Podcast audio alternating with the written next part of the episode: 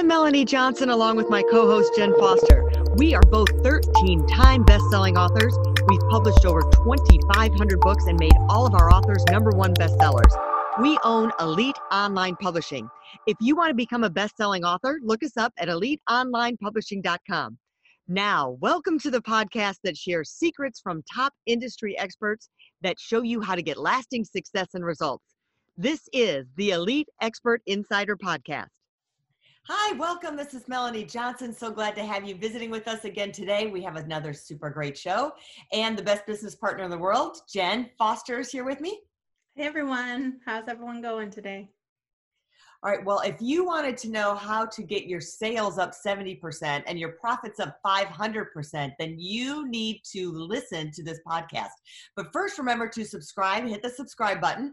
And we love to hear comments from you and we answer our comments. So make sure you talk to us and send the podcast on. Share it to other people that you think that they can learn for it, learn from it. So if they want to get their sales up 70% and increase their profits 500%, I know Jen and I want to do that. So we are going to be listening and taking notes why we're interviewing Todd Palmer, and he is from like my hometown. He's from he's living in Northville, Michigan, so that's where my family's from. So I'm really happy to have him here today. Hey, Todd, how you doing? Ladies, thank you so much for having me today. It's, nice to run into other people from the for the Michigan area who've gone on to to great success and are out spreading the good world of, of, of entrepreneurship and how to grow businesses. Awesome. Well, Todd, explain a little bit how you got into coaching and how you became helping people get this increase in their businesses. Well, so I'm a retired CEO, and I was lucky enough to retire relatively young because I hired a coach. And um, I hired a coach because I realized that I, in order for the business to grow, I needed to grow and change as a leader. I was about 10 years into my entrepreneurial journey, and I, you know, some good years and some bad years, and but by and large, it was going okay. And come to 2006, uh, I got the, the company $600,000 into debt. I was a single dad. My son and I are living in our house, and I realized that we're about two months away from losing our house. Um, I suffered from massive imposter syndrome. I couldn't get out of bed. My itty bitty negative committee in my head that was meeting was telling me how much I suck and how I wasn't doing a good job and I was making all these mistakes and it was all my fault. And, you know, the business used to be good, which means I used to be good, but now the business is doing poorly. That means I'm not a good person. All these different things were going on. And for the first time in my life, I reached out for help and I hired a coach. And he taught me some quick financial literacy because I was making a lot of financial mistakes. He taught me how to to analyze and look at the human capital that was on my team for my recruiting business and I made the difficult decision in September of 2006. I walked in one day and fired my entire company, and I started over with the help of my coach. And we quickly made some pivots, some changes. We took a look at margin over revenue. We mm-hmm. took a mm-hmm. look at how to get the right people on the team. Jim Collins 101, right people, right seat on, on my bus. Changed my hiring process. I used to hire only experienced recruiters, only HR professionals. Well, we came up with a process on how to hire for DNA, not for resume. I started bringing in talented people from restaurant, from retail, from other areas, and teaching them to be great recruiters because I was hiring them to fit the core values of the organization. Long story short, we, we turned the business around. We paid off all that debt, thankfully.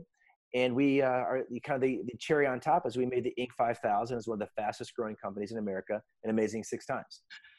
So, based upon that story, I, I, found that my passion was really to work with other entrepreneurs to teach them some of the things that I knew, to, so they could do their hero's journey so i could guide them along their processes because as i found out in my experience was i couldn't fix my business until i fixed me. I had to work inside out to, in order to make the complex simple because the complex was in my head i was making a lot of false statements false stories i was telling myself and now I, I help entrepreneurs you know like you talked about in the intro Now i've got one client his revenue is up 70% his profits are up 500% he's actually working less and loving the business more because we got him unstuck because he's doing the hard work and the hard lifting to get that business where it needed to go. And now, you know, the, it is, it, I don't know where he's going to end up. Maybe he'll end up on the Inc. 5000 someday too. So that's a great story. And one of the last things that I picked up on is how to get unstuck. So do you think the business owner has to start with themselves personally getting unstuck before they can unstick the business? And how do you go about doing that?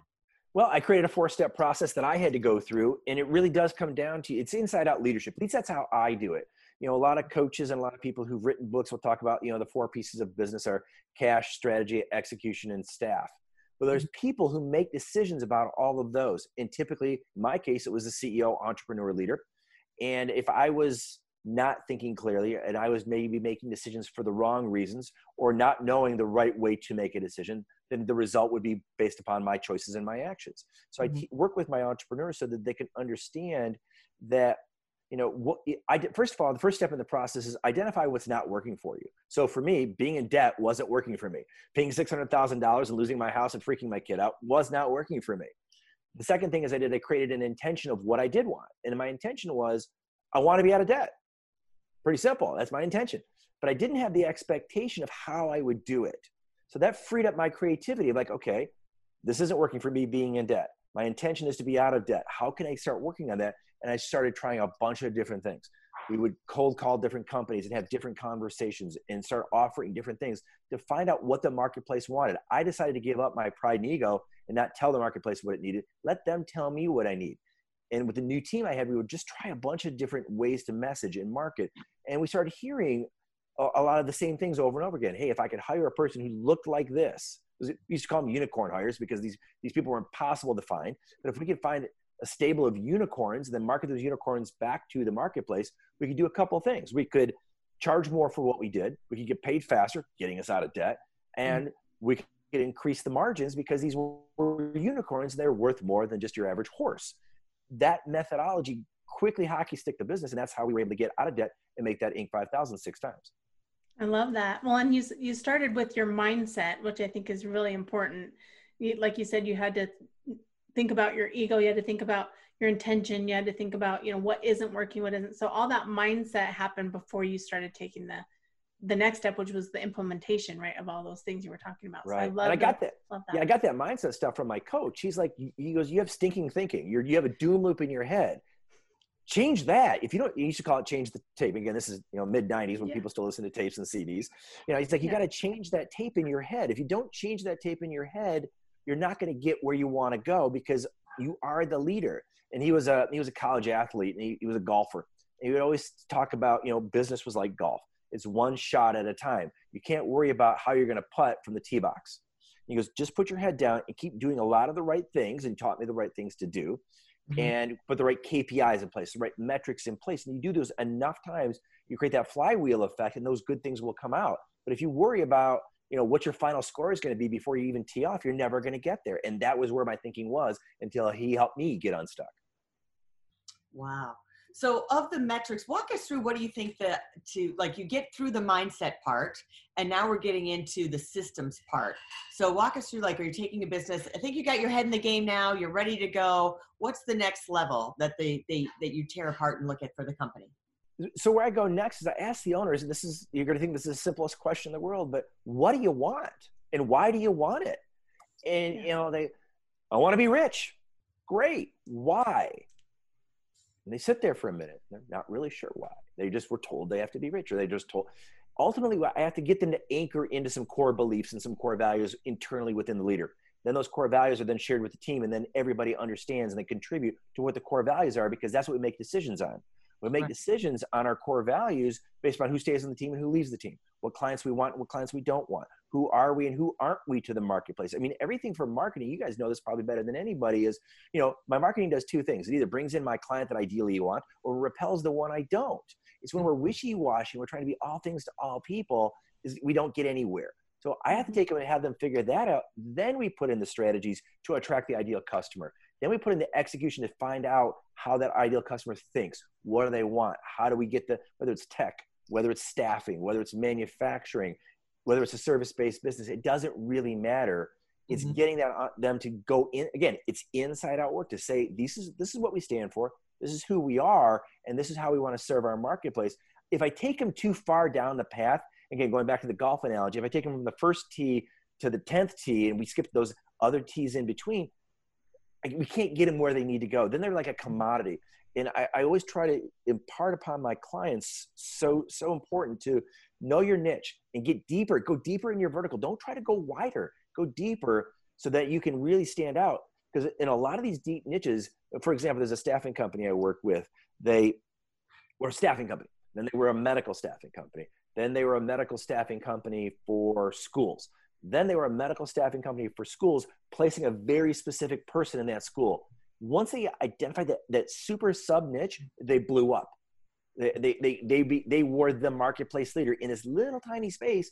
And they, they sold for an incredible multiplier and did an amazing job of owning that niche that all these big box providers wanted that niche. So they were willing to pay a premium for it. I love that. I think that micro niche really is the key to a business. If you don't know who your ideal client is and then super niche it out like you just talked about, then it's it's you can't serve everybody. You can't say, "Oh, my business is for everybody," because it just never it will never work. oh, I, I, absolutely. So I look at my coaching practice. Well, I'm a business coach. Well, that sounds like I'm a used car salesman or I sell insurance, like a dime a dozen. So right. I have to be very clear in what I can deliver for my clients. So if I get a client who says, "Hey, listen, I want you to come in and put this process into my business," well, I can do that, but it's not what I do. And like the my ideal client has to understand that you have to change yourself to change your business. It's inside out work. If they get if they get that message then i'm a great fit for them. If they just want to process there are plenty of process providers. You can go buy you know traction go get eos there's plenty of people that will implement that. Great process. I use it in my business all the time but that's not what i do. So going back to if i if i know better who i am i know better what i do best it's it's it's like they talk about. And there's a great book I just read by Deb Gabor called "Branding Is Sex." If I can be the best provider of my services in the eyes of the world, then it will make, make you know huge impact on me and my customers and my ideal customer, and it will repel my my non-ideal customer, and I'm okay with that. So that all transcends into when you implement those things and you find that micro niche, then it helps you to hone in your message and increase sales and increase the bottom line how do you decide so is that the same process really for figuring out the product? You're finding your niche and then you're fine tuning your product to fit that niche? Yeah it, pretty much. So the client that, that grew 70% was trying to be all things to all people all the time. And mm-hmm. there's a bunch of other competitors and he figured out well i serve these two niches best. And i said well let's take a look at those niches. Let's take a look at let's do some data driven decisions. What is your revenue per niche? It was like 80 20 like, okay, well, then why are we going for two niches? Yeah, but I really like this niche. But nobody cares. nobody wants to buy it. So, like, just do this really, really well. And he found within that thing he did really well, he found a couple of really some sub micro niches, and boom, he was off to the races. He was able to, you know, he, his ideal buyer was willing to pay more for his service because they had they had cash available. They saw the vision and the visions aligned for the execution it was a service-based business, so they weren't making a product, but their messaging became very clear on who they could attract, and that buyer was not price conscious. They were they were deliverable conscious. You know, it's like buying a car. We can all you know we can buy a you know a Ford, Chrysler, or GM, and they, that's yeah. great. Those are all great products to get you from point A to point B. If you want a status vehicle, well, it's probably not a you know Ford Fiesta. It's probably more of a BMW or a Mercedes, or a, they're all cars, but they all say something different not only to ourselves as the person buying it, but then we think it says something to the outside world. And those are also very important things for us. Yeah. Yeah. I love micro niches. One of my clients sold sand for horses. It's called footing. I'd never heard of it, but there are certain kind of horses who do, and um, they do uh, dressage, which is like ballet in the Olympics, right? Horse ballet but this special footing they sell sand and that's micro micro niche it's like who's going to buy sand for their horse to do ballet this makes no sense it's a it's a totally small niche inside the horse community and they do amazing because they have the best sand the best footing it's called footing for the horses to run on so i mean you have to get that micro micro micro niche and your business can yeah. be successful and they own it and they're proud yeah. of it and they probably market it and yeah. you know it's like the a friend of mine wrote a book called um, The Freak Factor. His name is David Rendall. And he talks about we all know what we're great at. And it's probably the thing we get criticized for the most as kids. So he goes, I'm a public speaker and I stand on stage and I have a lot of opinions. As a kid, I was told to sit down, stop moving, and be quiet. So the things that I got criticized for as a kid, now I make a living do doing it. So chances are the, the probably the people in the in your example probably really love horses and they probably really love that and it just becomes part of who they are. So they know the network, they know who to market to, they know the language. They don't have to go out and learn it per se. And so I think there's so much more. You can have a great, highly profitable business in these sub niches. Yeah. So obviously, um, you're a coach, you made the transition and found success by having a coach. What should somebody um, look for in a business coach? Wow, that that's a great question, and I want to make sure I answer it from a non-self-serving position. Yeah. Um, I because I, I, think they serve everybody, right? You got right. You know, it's because it, coaches are. It's not a one-size-fits-all occupation. Mm-hmm. Um, what I I found that he, people find this the most valuable is have you done it or not? have you been a CEO or not? And that matters to a lot of people, but and it doesn't matter to others, and that's fine. So mm-hmm. I think it's important. Have they been there, done that, and survived it? I mean, now during you know we're filming this in you know May of 2020. I've gotten more people who've wanted to work with me because I've gotten through the recession and I got through 9/11 and my business was on the Inc. 5000 all the, years of the recession. So in their minds, I'm really good at crisis and chaos management because I've been there, done that. Where maybe someone who's you know 20 years younger, they, they just haven't had that life experience yet. So in 20 years, their COVID stories will be a great sales tool for them, for them potentially. So again, been there, done that. Um, what do they what do they believe in and what do they stand for? Um, the worst client for me is somebody says, "I want to make the Inc. 5000 six times like you did." And that's not what I do. Yeah. I, I want you, I want to ha- create a great business based on these core values and go into the sub niche, and I'm willing to do the inside out work required. That's a great fit for me. Um, if someone just wants a process, there's plenty of process people out there. They're called the implementers, EOS, scaling up. They offer plenty of those kind of people. There's plenty of people who can help you just put a process in your business. Um, do they have any financial literacy? So much of business owner, so many of the business owner mistakes made by the people running them is because they don't understand finances. Um, you got, I think you got to know that. Do you have any marketing background? Do you have any strong operations background? And if you don't, who do you know? I know accounting. I don't refer. I don't do my clients' accounting. I refer them to a bookkeeping service or to a CPA. Again, what do I know? Know what you do best. So really, for me, I think it's again. Have you been there, done that? Do you understand finance? Do you understand sales and operations enough to be consultative on it away to great processes?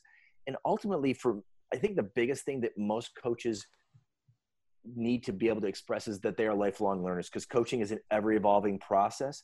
AI mm-hmm. is coming in, all these other things. So I still use a coach. I have a coach who's a neuroscientist because my biggest bottleneck with my clients isn't their business acumen, it's their stinking thinking. Mm-hmm. I love that. and I think when I first talked to you today, when we jumped on this interview, I think you started coaching me right away, and I love that about you. Um, so we are in the in the COVID nineteen right now, so to date this podcast, and we were talking about how we were on Zoom all the time. So you actually were coaching me and helping me with some stuff. So let's talk about that a little bit about if you're on Zoom all the time, or you're on video conference calls, or you're just constantly. Let's talk about some of that stuff we were talking about earlier. Well, and, it was it was funny because we were talking about because we both said we're we're experiencing it. So yeah, you know, I think the, one of the things I love about coaching is just connecting with people. Yeah, I yeah. like people, and I like uh, when you when, when you show. I call it ATV, authentic, ATV, authentic, transparent, and vulnerable. If we can yeah. be that right in the beginning, the conversations are so much more enriched. And mm-hmm. there is a thing out there called Zoom fatigue, and that Zoom fatigue creates burnout but it's not the burnout that you know Dick Vermeil had as a football coach back in the 80s. It's a different kind of burnout, and we're talking about kind of that those threshold conversations we have with family and friends. You know, we're on these things all day long. We're focused. We're paying attention. We want to mm-hmm. respect our audience. Well, if I, if I was doing this interview, you know, six months ago from the car, driving around, you've got my attention, but I'm, my my disconnections are going to happen a lot more. My brain is going to be on again, off again, on again, off again from a visual perspective. Mm-hmm. Um, our environments impact Zoom. So I have bright blue eyes. I have a very bright light. My it fatigues my eyes. I get tired, and then I have to step. You know, I'm not at the office. I'm at the home office. Then I step out to my family, and they're in a great mood. They want to play. I'm like, oh, crap, what, what do you want? It, it, we it, we just because of the engagement required by Zoom and the full participation sport that it is, it's actually harder than being on the telephone. Yeah yeah it, it's just uh, the fatigue is real and whether you're on skype or whatever kind of um, facetime or whatever it is but it really is true. So tell us about some self-care stuff or what you were talking about like the, the four things you were talking about yeah so for for me it's it's about recognizing that and recognizing when we cross that threshold and having awareness around it. One recognizing that we're all going through it. It's not just like you know, what's wrong with me? Because that's what I was thinking. I'm like, why am I behaving this way? What, what? I'm the jerk in the room. It's not them. It's me. Uh, what, what's right. going on? Yeah, I blew up at my kids yesterday after being on, and it has been like meeting after meeting where you're just in front of the computer all day long. Oh, sure. So, so I totally blew up. So it totally happened to me, and I was like, "What is going on?" yeah. Well, it, it, it, what happens is because we're so focused and we're so we're so engaged with our audience. And this is a great conversation, but Had some conversations that are like, it's soul sucking. Like, oh, brother. Well, what happens with those draining conversations is our our resources become depleted and the demands still remain high. And if we aren't able to recalibrate, do self care, and recognize, okay, I as soon as we're off this call, I'm gonna turn this light off. It might, you know, might, I'll start going to a calm meditative state. I'll relax and I'll be able to move on. Well, I wasn't turning the light off all darn day, so it's on for nine hours, and my eyes are fried and I'm heightened. So demands demands outweigh our resources. Second thing that happens is the environment like i talk about my light. The third thing that happens is and actually i wrote down here because i want to make sure i get it correctly we become disconnected from people when we see them face to face kids one more person small or big wanting something from me after i've just given it my all. Because zoom can kind of act like a performance for people. Uh, yeah. and then the, the, the, at the end of the day was is it, it, the article i'm writing is basically is going to indicate you know it's a reduced sense of accomplishment because i'm on i'm well, and then I then I beat myself up because I'm not there for my family or I'm not there for my next call because right. my resources are depleted. So now, like you're drawing attention to it, now we're going to be aware of it. Now we can choose differently, and now we can realize, hmm, I did this yesterday. I had, I had eight calls. I did five on Zoom and three on the phone. The three on the phone were with friends I didn't need to see them. They know they they know what I look like. I know yeah. I don't need that. So now, okay, I'm down. I'm still engaged. I'm still available. I'm still giving of service to you know servant leadership, but it's not. Um, all senses are not engaged. Eight hours constant. Mm-hmm. I love that. Just being aware of it and and calling the attention to it. Yeah, and I like that fatigue. Like you're like you say, you snap at your kids, or even like you're even with a client, and you're like, okay, I just can't like answer any more questions. You know, like I've I've hit my limit. Right. Yeah. And it's it's you know, the flip of it though I, I, think for me is you know the real the, the, within the tragedy of covid there is a lot of opportunity. And i've been because of zoom and because of the improved technology that we didn't have 20 years ago yeah. I, i've i've coached people in brazil south africa all across canada and the united states down in mexico. I, I literally have talked to people from india china uh, from around the globe who i never would have met if yeah. it wasn't for putting the messages out on social media to entrepreneurial groups hey i'm available for 30 minutes.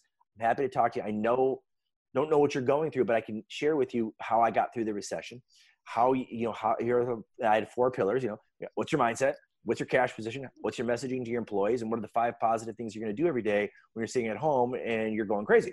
That was kind of the whole and i had like 40 calls with people who i never would have met that i couldn't go around the globe and see except for when i get to my computer and now i can see them all we I've created some great friendships. You know, we're, you know, I'm still checking in on most of these people, and they're they're just they're feeling cared for. And I think so much as entrepreneurship is loneliness. We get we mm-hmm. we isolate. An entrepreneur alone, really, I believe, is an entrepreneur at risk. So when I can when I'm seen and I'm seeing others and I'm heard and I'm in, in taking others, it, it, it takes away a lot of the distancing. Yeah. Yeah. Great information. That. Yeah. I think I think the connection around the world is awesome. I mean, COVID nineteen has a lot of people are focusing on the negative, but they're think of all the positive things that it's doing for us, and and like you said, connecting us around the world and forcing people to use the technology that's available to yeah. us because a lot of times you know people who are they just keep the mind it's the mindset in their head i'm not technical or the mindset in their head i can't work a computer but it's forcing them to say okay i can click a button i can figure out zoom I can figure out Skype or FaceTime or whatever it is and and get it and get connect with the people you want to connect with. Yeah, it's it really is like I've got a friend of mine in Canada. He has he has Sunday family dinner now. He basically his family sits there and they bring in two other laptops and his his brother's family and his parents join in and they all eat dinner together. It's so safe. And he's using technology to do that. And I thought it was. Yeah. He, he did a whole blog series on it and a video on it, and it was just so heartwarming that especially for our seniors. I mean, they're they're they're the most mm-hmm. vulnerable right now. Yeah. He's able to connect with his parents, and it, he feels like he's he's giving of himself. His family's still able to connect. Now they're playing board games on the. I'm like, that's a lot of you know. Lot of, so you can take anything to an extreme, but it's just it's so it's so refreshing that we can use technology to maintain visual connectivity. We could have done that 20 years ago. Right. Yeah. All good. Well, thanks for coming on our show today, Todd. Tell us where everyone can reach you. Oh gosh, thank you so much. This was a great conversation. I really appreciate having it with you guys. And you know, people can reach me at Todd at extraordinaryadvisors.com. If they mention that they heard me on your show, I'm happy to give them 30 minutes of my time, just like I was done for entrepreneurs around the world. I'm not going to put you in a funneling system. I'm not going to capture your information. It's more my chance to really live my why. I was lucky enough a dozen years ago to spend time with Simon Sinek, and it took me two years to figure out two words, and my two words are improve lives. So don't feel like, oh, I don't want to bother him, or he's not going to be able to help me. Reach out. I'm happy to book a call with you to, to be of service to you because someday you can pay what we talk about forward to somebody down the line. I love that. And is there a web, just go to the same website to yeah, go just and go to, find you? Yeah, Yep, go to extraordinaryadvisors.com. The video of my client who who had the, the eh, testimonial video where his revenue grew 70%, his profits grew 500%. That's all there. So yeah, it's um you know, and it's it's going back to the content Inc. and the things that I've been doing with all the books I've been able to uh, enter, you know, enter into my life during this tough time. I'm redoing my website to change my messaging and my branding to double down on what I do best. And it's going to be, um, I think there's going to be a lot of really new businesses that are going to come out of this tough time. And, and I think it's going to be, while it's going to be struggling and tragic for some folks, and, and that's un, very unfortunate because this change has been thrust down upon us where like my 06 change came, I had to change me to get it fixed the change being thrust on is going to force us, like you talked about, to innovate and to iterate. Mm-hmm. And I'm excited to see what the next five years are going to look like. Yeah, sounds like you need to write a book too. You've got all these other books you've uh, recommended. We need to have your book. yeah, well, you know what? That's so. Thank you for mentioning that. Uh, my next book is going to be out in September. Oh, sweet. Well, yeah, it's going, to, it's going to be on the entrepreneurial journey and the mindset and all, all out of the stuff we talked about today. That's great. We'll look forward to seeing that. Thank you let us know. We'll put it out. Well, thanks for joining us for another great podcast. Remember to subscribe to the podcast, and we will see you next time. Bye. Have a great Bye. day. Hey, are you looking to increase your revenue, build credibility, and elevate your brand? This podcast is brought to you by Elite Online Publishing, an innovative publishing and full spectrum marketing company. They will publish and market your book to make it a number one bestseller. Becoming an author is the best way to market your business. So contact them at eliteonlinepublishing.com today. All of their authors become number one bestsellers.